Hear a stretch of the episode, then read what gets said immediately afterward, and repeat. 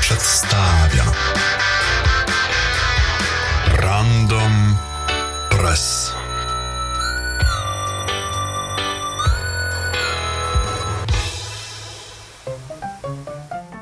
Kiedy w czerwcu bit flipuje, malware RAM nam napastuje. Witam w czternastym już, a piętnastym pod względem kolejności odcinku podcastu Random Press. Dzisiejszy randomowy przegląd będzie transkrybowany, więc warto zajrzeć na stronę www odcinka. Poza tym warto przypomnieć, że audycji można słuchać w odtwarzaczu na stronie randomseed.pl, w serwisie Apple Podcasts, na SoundCloudzie, a także w Spotify. Dostępny jest też kanał RSS, który pozwala subskrybować kolejne wydania w lokalnych i zdalnych, uniwersalnych odtwarzaczach. I zaczynamy informacją o RAM Bleed, krwawiącej pamięci RAM. RAM Bleed to nowy atak boczno-kanałowy, którego potencjalny napastnik może użyć, żeby przechwytywać zawartość pamięci. Pojęcie boczno-kanałowy z angielska side channel oznacza, że korzystamy tu z jednego kanału komunikacyjnego, żeby uzyskiwać dostęp do danych innego, względnie wpływać na jego dane. W tym konkretnym przypadku możliwe jest odczytywanie zawartości komórek pamięci, które położone są w bezpośredniej bliskości komórek, do których nasz proces, czyli uruchomiony program, ma dostęp. Przyczyną problemu jest coraz większy poziom upakowania przestrzeni bitowych w nowoczesnych układach pamięciowych.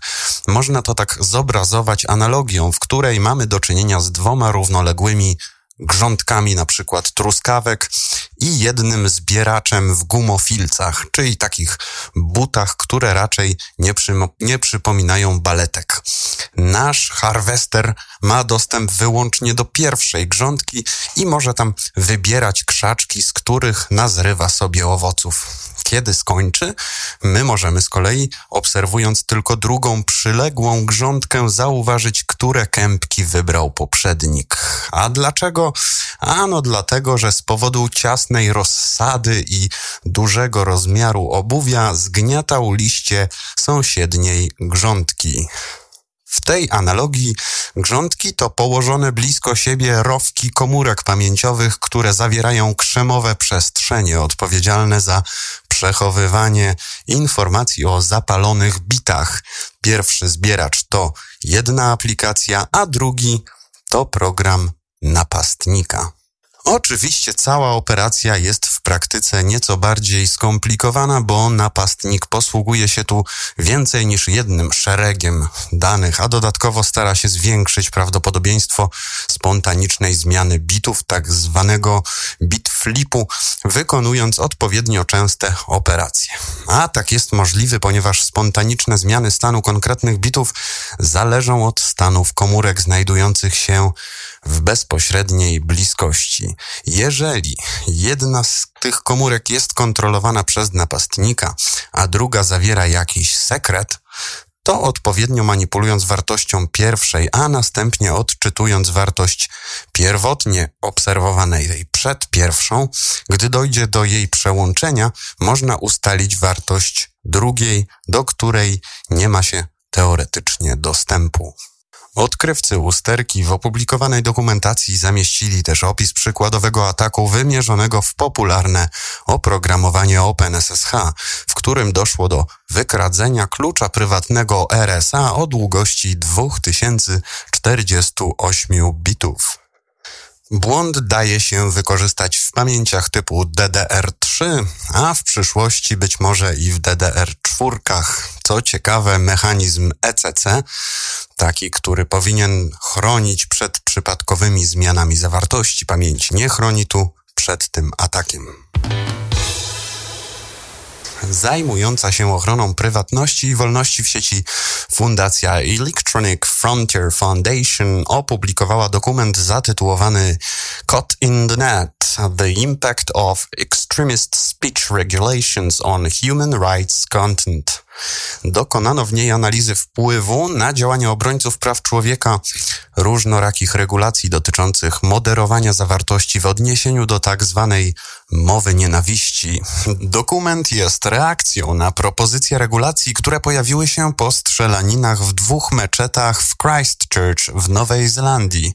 Tamtejszy rząd ogłosił wtedy plan zwalczania terroryzmu i treści dotyczących przemocy umieszczanych w sieci, nazwany później Christchurch Call, który został poparty przez ponad 12 krajów i większość firm technologicznych. Zdaniem IFF propozycje Christchurch Call zawierają wiele ważnych pomysłów, jednak proponowane tam środki zaradcze są groźne z punktu widzenia wolności słowa online. Wspomniany dokument IFF wymienia kilka dobitnych przykładów, gdzie zastosowanie filtrów wymierzonych w ekstremizm doprowadziłby do blokady treści, które ekstremizmem nie są, na przykład wystąpień dotyczących Hezbollahu, relacji z konfliktów w Syrii, Jemenie czy na Ukrainie.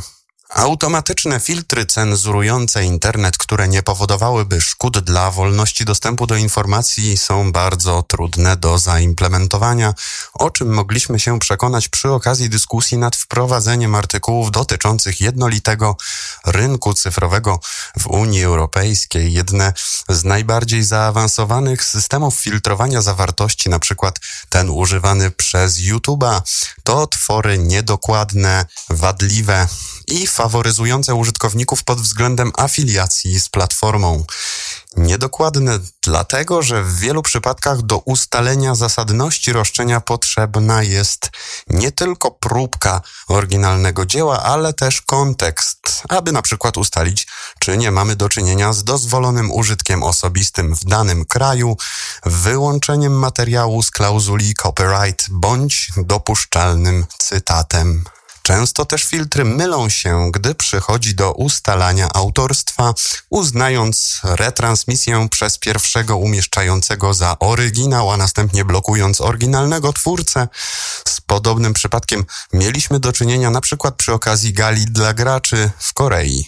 Faworyzacja z kolei polega na długotrwałym procesie rozpatrywania odwołań i arbitralnych decyzjach o demonetyzacji, jeżeli użytkownik jest zwykłą osobą fizyczną, a nie instytucją partnerską względem serwisu, czyli tak zwaną siecią partnerską. Powyższe każe gruntownie przemyśleć wszelkie idee dotyczące automatycznego filtrowania zawartości, a właśnie na tego rodzaju filtrowanie skazane będą większe serwisy, które inaczej no, nie mogłyby weryfikować każdej nadpływającej treści.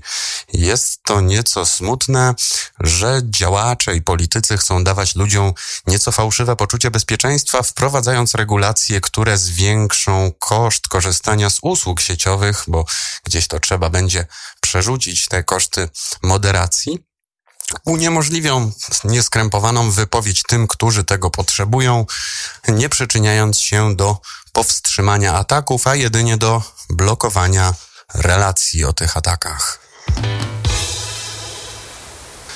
Serwis The Parallax podaje, że po niemal dwóch latach przygotowań administracja prezydenta Trumpa zaczyna wprowadzać w życie plan, aby odwiedzający USA musieli udostępniać identyfikatory kont w serwisach społecznościowych. Nowe regulacje są rozszerzeniem istniejącego już systemu przeglądu urządzeń osobistych dokonywanego przez pracowników służby celnej. Do tej pory z podobnym procesem mieliśmy do czynienia jedynie podczas ubiegania się o wizy, gdzie proszono aplikujących o dobrowolne podanie namiarów na konta w społecznościówkach. Teraz od roku 2017 dokładnie jest to już obligatoryjne dla wszystkich przyjeżdżających z siedmiu krajów muzułmańskich z wyłączeniem dyplomatów. W publikacji znajdziemy porady pracowników Fundacji IFF dotyczące między innymi właściwego zabezpieczania danych na urządzeniach przenośnych przeznaczone dla każdego, kto chciałby odwiedzając USA zachować trochę prywatności. Ars Technica podaje, że koncern Google potwierdził, iż na urządzeniach z zainstalowanym systemem Android istniał, istnieje w niektórych przypadkach zaawansowany backdoor. Przypomnijmy, że backdoor tłumaczone na polski jako tylne wejście lub boczna furtka to oprogramowanie instalowane w systemie operacyjnym, którego celem jest umożliwianie dostępu intruzowi do niego i w rezultacie zdalną kontrolę. Okazuje się, że zauważony przez Kasperskiego już w roku 2016 malware o nazwie Triada został przemycony do fabryk. W lutym 2017 roku jedna z firm trudniących się bezpieczeństwem IT, chyba był to Dr. Web, znalazła triadę w oprogramowaniu układowym kilku modeli urządzeń z preinstalowanym Androidem. Backdoor został dołączony do jednej z bibliotek systemowych, a więc nie mógł być prosto usunięty z użyciem konwencjonalnego oprogramowania antywirusowego. Okazuje się, że do infekowania systemowych obrazów dochodziło podczas prac nad Androidem u jednego z zewnętrznych dostawców oprogramowania, któremu wysyłano cały obraz systemu, a ten po wprowadzeniu odpowiednich zmian i zainstalowaniu tam swoich dodatków wracał i stawał się po pewnym czasie i po pewnych pracach jeszcze wersją instalowaną na nowych smartfonach. Taki cykl życia oprogramowania dotyczył wersji OM, w których znaleźć można takie dodatkowe aplikacje, na przykład operatora czy dystrybutora.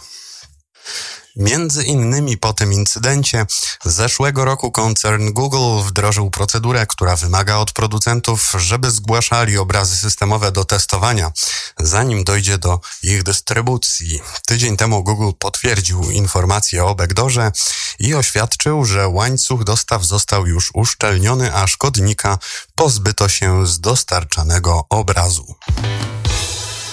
No i nieciekawe wieści dla użytkowników Maców.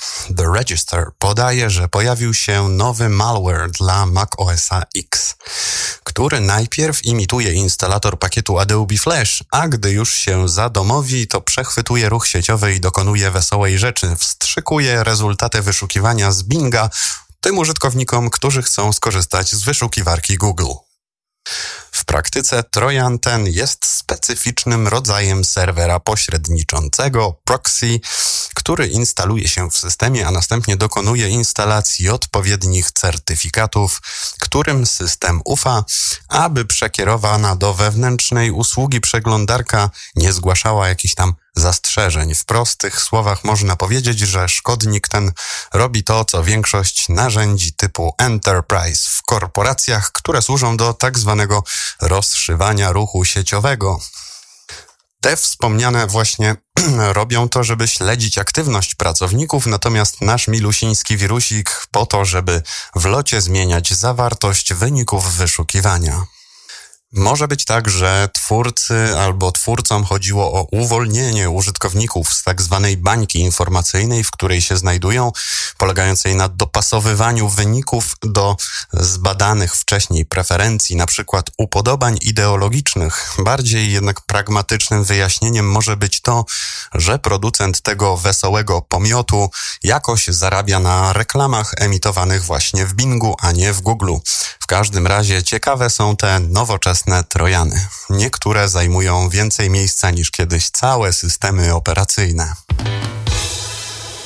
I już ostatni newsik w serwisie Medium możemy znaleźć ciekawy wpis naszego rodaka, Wojciecha, autora oprogramowania Kamerka 2.0, znanego też jako FIST, co jest akronimem od Flickr, Instagram, Shodan, Twitter, napisanego w Pythonie skryptu, który tworzy mapę kamer, drukarek, tweetów i zdjęć na podstawie podanych współrzędnych geograficznych. Nowe wydanie kamerki pozwala na tworzenie map systemów kontroli przemysłowej, po angielsku Industrial Control Systems, w skrócie ICS, całych krajów. Następnie możemy takie systemy oglądać w postaci odpowiednich ikon umieszczonych na interaktywnej mapie serwisu Google Street View. W artykule autor dzieli się też przykładowymi statystycznymi informacjami, które uzyskał uruchamiając analizę dla Polski i Szwajcarii.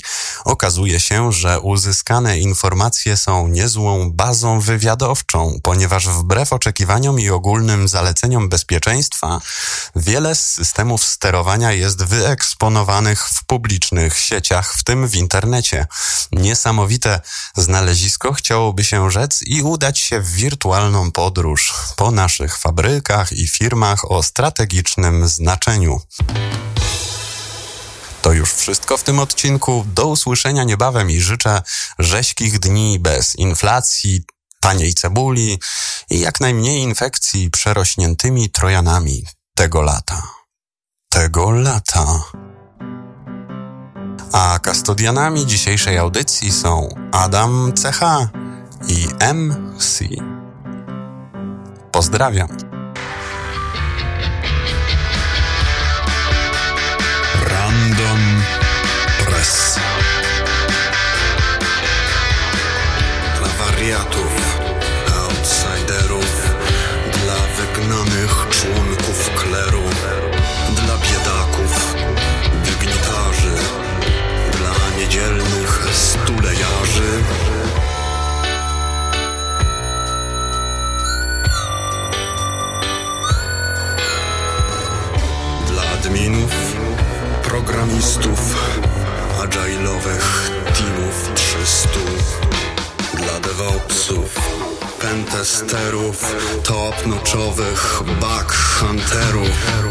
dla hakierek i hakierów, klożurystów i lisperów.